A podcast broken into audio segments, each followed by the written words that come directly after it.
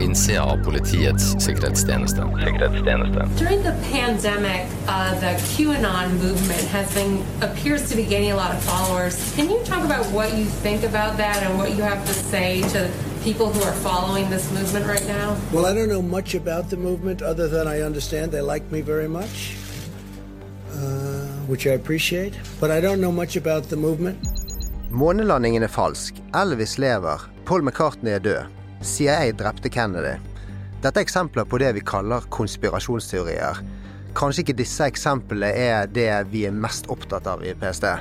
Men uansett, med meg i studio i dag har jeg Karoline, som jobber med kontraterror i PST, i hvert fall for øyeblikket.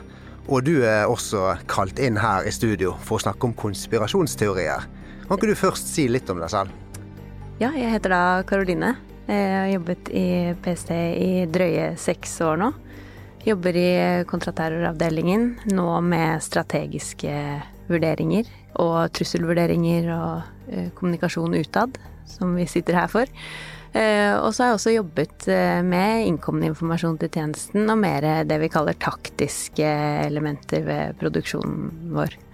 Fra tidligere så har jeg utdanning både fra Universitetet i Oslo og også en master fra USA. Med fokus på historiske fag og samfunnsvitenskapelige fag og internasjonale relasjoner. Og dette er Pst på innsiden av PST. Jeg heter Martin Berntsen og jobber med kommunikasjon i PST. Spionasje, etterretning og hemmelighold. Terror og ekstremisme.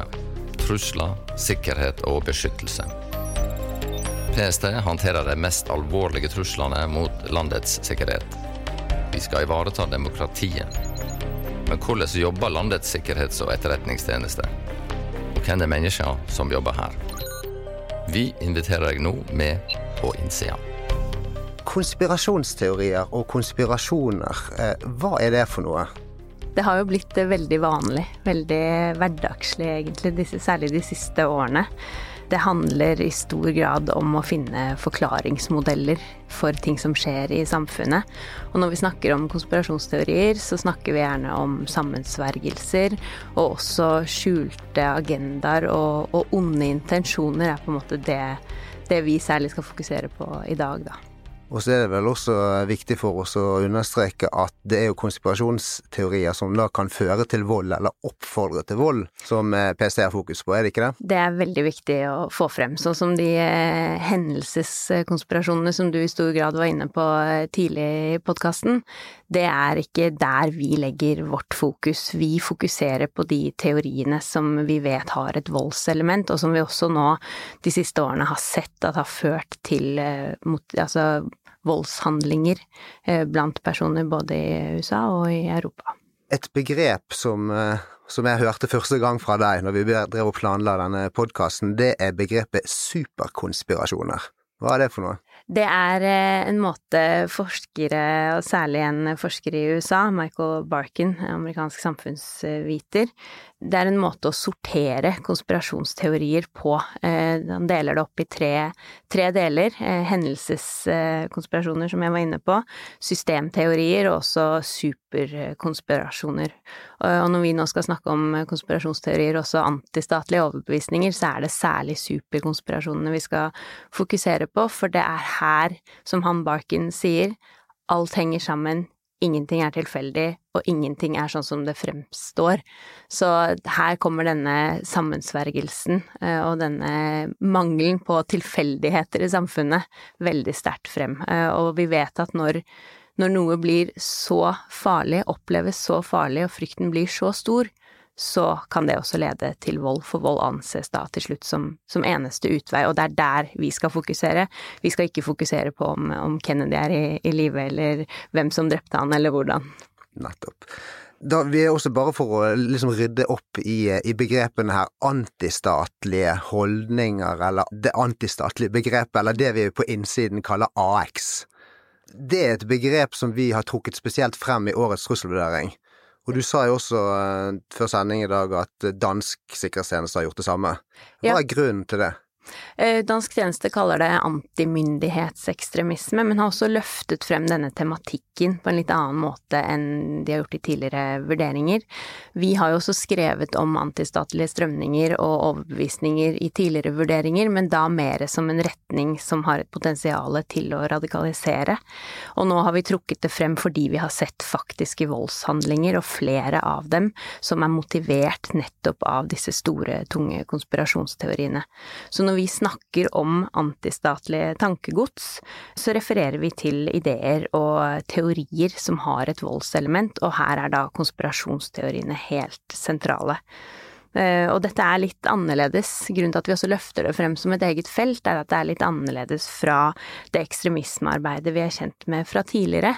Eh, fordi disse konspirasjonsteoriene ikke nødvendigvis knyttes til en ideologisk eller religiøs retning, eh, og også bryter litt med den høyre-venstre-aksen innen norsk politikk som vi også er på en måte vant til å, å snakke rundt. Så dette er konspirasjonsteorier som ikke nødvendigvis har et, et ideologisk oppheng, da. Nå kommer vi inn på flere begreper, altså det høyreekstremisme, venstreekstremisme, ekstrem islamisme, det vi igjen på innsyn kaller IX, AX og HX og VX. Mm. Er det noen av disse retningene da som er mer tilbøyelige eller unnfall for konspirasjonsteorier enn andre? Forskning har jo vist at Eh, det er særlig på ytre høyre at eh, personer er mer tilbøyelige for å sympatisere med eh, og, og forfekte disse ideene. Men det er veldig viktig å få frem at, at dette spenner bredt, altså. Det er igjen ideologisk veldig fleksibelt og egentlig tidvis ganske uavhengig, men, men vi ser at det er en, en viss tilbøyelighet på, på ytre høyre for, for flere av disse konspirasjonsteoriene, og en del av de store konspirasjonsteoriene har jo også elementer som fanges opp i særlig høyreekstremismen. Og konspirasjonsteorier er jo som nevnt, det er jo ikke noe nytt. Det er jo ikke et nytt fenomen. og når man leser i litteraturen, så kommer man stadig tilbake til ulike beskyldninger mot jødene. Ja. Eh, er det en slags superkonspirasjon, eller eh, er det en mer sånn eh, typisk klassisk konspirasjon? Det er det vi kan kalle en av hjørnesteinene i konspirasjonstenkning globalt. Denne ideen om at jødene styrer samfunnet, daterer tilbake til tidlig 1900-tallet og denne utgivelsen av Sion Vises protokoller kanskje spesielt og har blitt brukt særlig blant høyreekstreme gjennom tidene som et bevis på denne ondsinnede agendaen som da jødene angivelig har, ifølge disse antisemittiske konspirasjonsteoriene. Og så hvis vi skal gå litt tilbake til det du var inne på tidligere om at eh, konspirasjonsteorier ikke er noe nytt, så tenker jeg det er viktig å si at eh, konspirasjonsteorier i flere tilfeller har vært en slags drivkraft i de ekstreme overbevisningene til også flere kjente terrorister. Her er Anders Behring Breiviks eh, fokus på denne Eurabia-teorien et eksempel på, på dette. Eurabia-teorien, hva er det for noe? Det mm, er en teori eh, som handler om at eh, kanskje i norsk kontekst, at kanskje særlig Arbeiderpartiet legger til rette for en muslimsk overtagelse av eh, i stor grad Europa, men også av, av Norge er det det baserer seg på. Man tror at Norge og den vestlige kulturen vil bli liten, et lite vedlegg til egentlig en, en muslimsk overtatt eh, kultur og, og, landområde.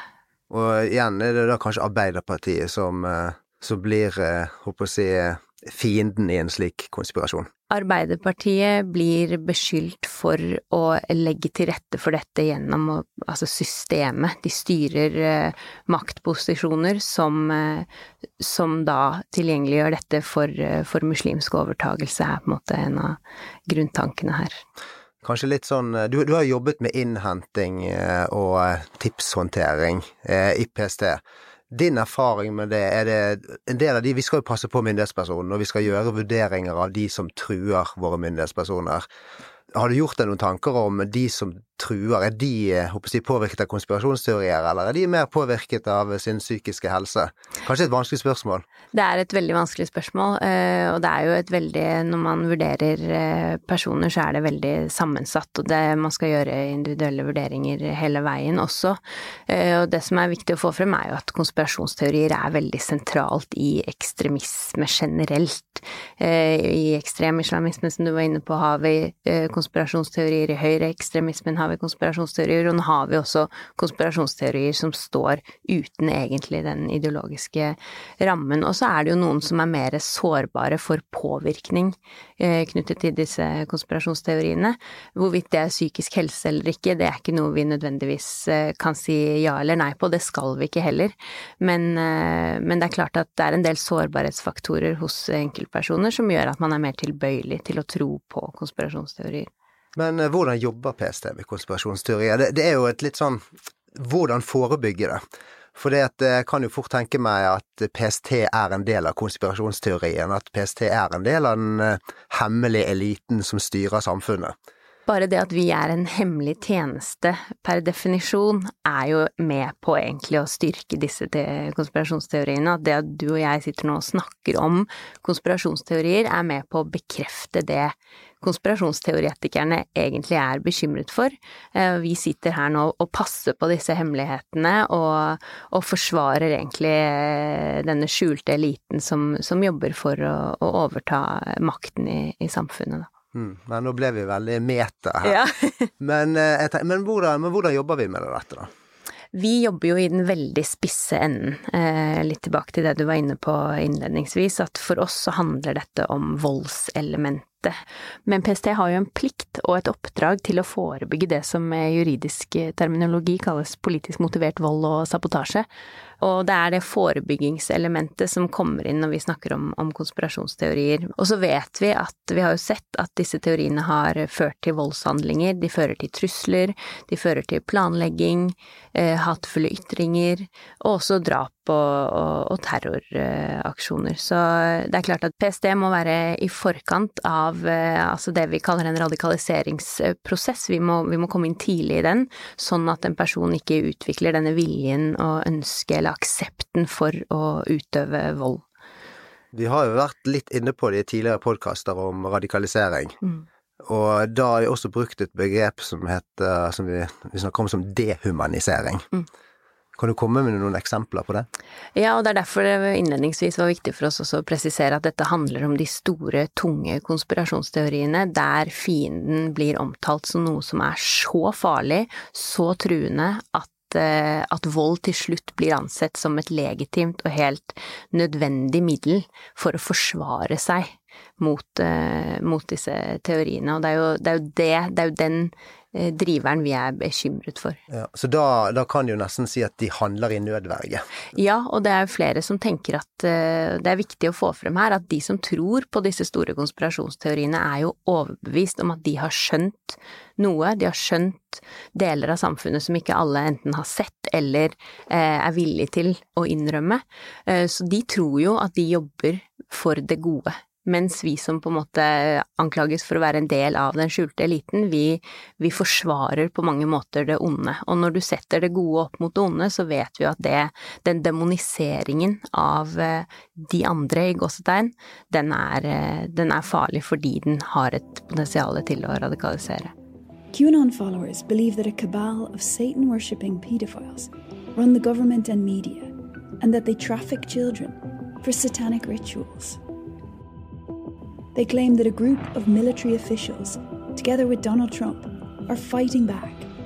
Jeg tenker på akkurat dette med eliten. Altså, du har jo både eksempler Du har den QAnon, mm. QAnon-bevegelsen i USA som, uh, som egentlig startet som et internettfenomen, mm. uh, og som kom med veldig mye hva skal man si, absurde beskyldninger om alt fra sataniske ritualer til uh, misbruk av barn for, fra kjente personer. Altså mm. både sånn Hollywood-kjendiser og uh, hva skal man si, liberale, demokratiske politikere.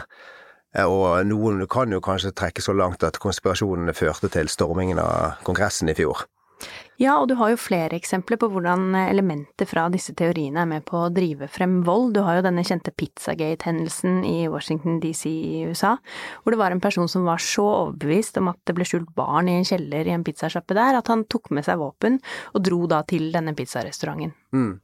Det, det, ble jo, det, ble jo, for så vidt ikke utført noe voldelige hendelser. Det, det ble stoppet, men mm. det var vel nesten tilfeldigheter som gjorde at det ikke skjedde noe mye mer alvorlig.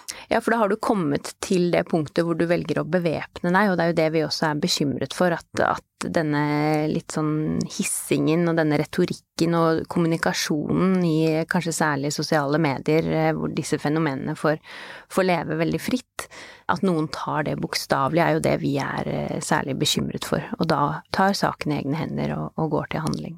Mm. Ved fremleggelsen av PCs trusselvurderinger tidligere i år, så kom dette med vaksinemotstand, det ble et tema. Hva kan du si om det i forhold til konspirasjonsteorier?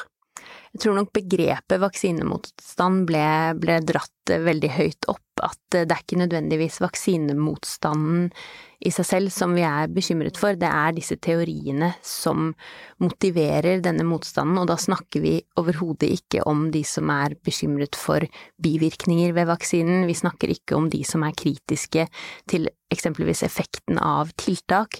Vi snakker om de som vi var inne på, på tidligere, som, som, tror at vaksinen er en måte at myndighetene skal kontrollere eller utrydde, altså drepe befolkningen. Det er der, det er de teoriene eh, vi er bekymret for at har et, et radikaliseringspotensial, fordi det motiverer denne eh, siste utvei, for å sette i gåsetegn, tankegangen, altså den at man ikke har noe annet valg enn å agere med vold for å, å, å bryte ut av det man opplever er så farlig og truende. Er det en utfordring i Norge? Disse teoriene er jo til stede i Norge, disse, disse store, tunge konspirasjonsteoriene som går på nettopp eh, mikrochipping og, og utryddelse, er, er, til stede i Norge, men, eh, men at vi har, vi har jo ikke sett det vold, voldelige elementet utspille seg, men vi har sett eh, trusselretorikk og planlegging og kommunikasjon som går på eh, at man er så frustrert og, og, så redd at man ønsker å ta livet av noen som eksempelvis styrer disse prosessene eller har, har noe å si inn i, inn i politikken her, da. Og for flere av disse konspirasjonsteoretikerne så fikk det jo veldig alvorlige konsekvenser at de rett og slett ikke trodde på myndighetene. At mm. Eh, en del av de døde jo faktisk. Mm. Eh, som sånn sett man skulle tro beviser at konspirasjonen var feil.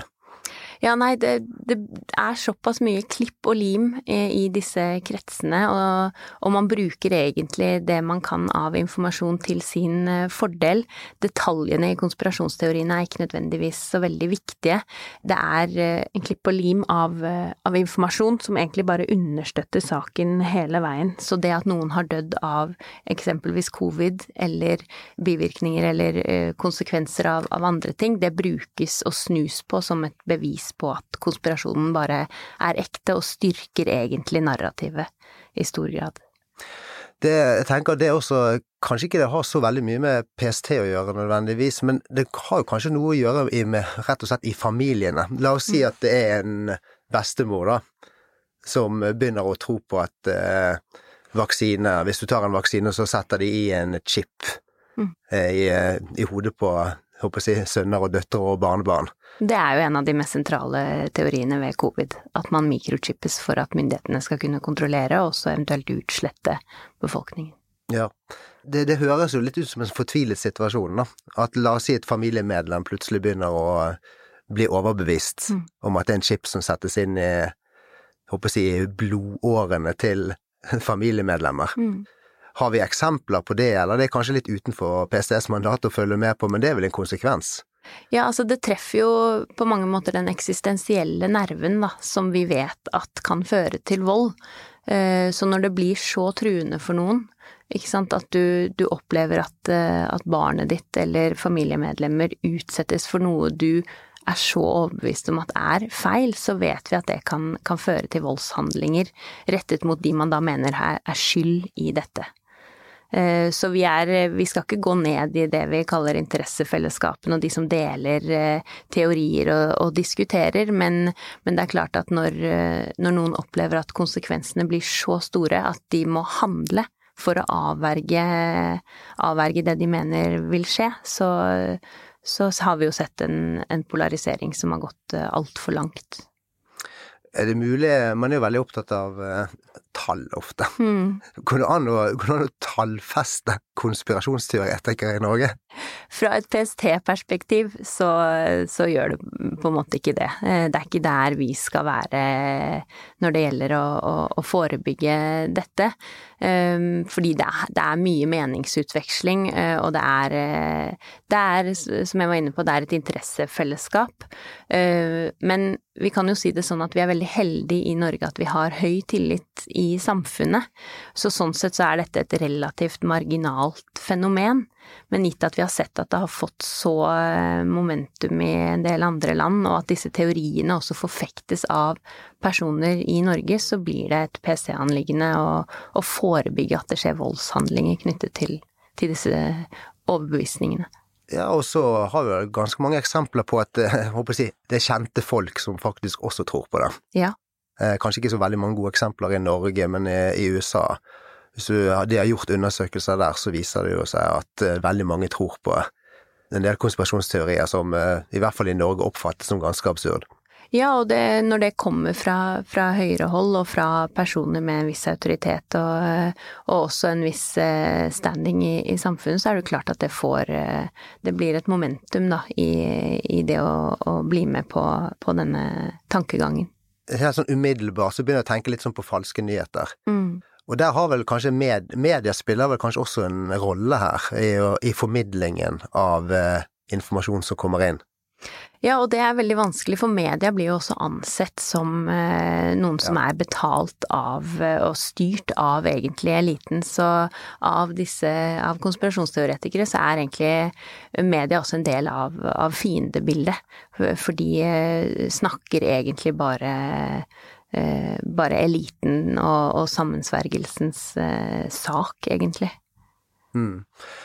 Vi sa at vi har hatt to år med pandemi. Nå har vi hatt to måneder med krig i Europa. Eh, hva tenker du om det, i, mer med konspirasjonsøynene dine? Vi ser jo hvordan konspirasjonsteorier er eh, veldig dynamiske og veldig Altså, konspirasjonsteoriene utvikler seg med dagsaktuelle hendelser, eh, og egentlig samfunnsutviklingen generelt, og hekter seg opp i nettopp, som du sier, nye temaer eh, og, det som skjer eh, rundt oss. Så at det kommer nye teorier, eller gamle teorier i ny drakt ut av store hendelser, det er ikke noe egentlig nytt. Nei, for man har jo i hvert fall Man ser jo det på innenfor vel de, de, de som jobber med kontraetterretning i PST, kanskje de som jobber mest med det, men det er jo forskjellige utsagn fra russiske politikere og kanskje Putin selv om hva Vesten egentlig ønsker å gjøre med Russland, som har et hvert iallfall sånn konspirasjonsteoretisk eh, preg over seg, kan man, eh, kan man si. Ja, og er med på å egentlig styre, eller bidrar inn til å styre narrativet og hva folk skal tenke. Og vi skrev jo også om det i vår nasjonale trusselvurdering, at disse desinformasjonskampanjene fra, fra statlige aktører er, er, noe vi ser at både påvirker og også sementerer egentlig tankegodset hos en del eh, konspirasjonsteoretikere. Mm. Ok, Karoline, da tror jeg vi snart går inn for landing. Det, har du noen avsluttende ord? Jeg tror det er eh, viktig å huske på at dette for, for, noen har satt seg så tungt at dette er eh, elementer som vil, vil vedvare når det gjelder også eh, ekstremismen i, i, 2022. At selv om covid på mange måter er litt på vei ned akkurat nå, så er, er dette tankegods som har blitt så sterke hos enkelte at at, konspirasjonsteoriene, på samme måte som et virus, også vil mutere, for å si det, si det sånn. At, at, dette er noe som vil kunne opprettholdes og også videreføres i andre hendelser og ting som skjer fremover i tid. Så jeg tror dette er noe vi må belage oss på og jobbe med fremover også. Da tror jeg jeg lar det være siste ord. Takk for meg. Takk for at du kom. Ser du noe, si noe. Men bruk sunn fornuft. Kontakt oss på pst.no.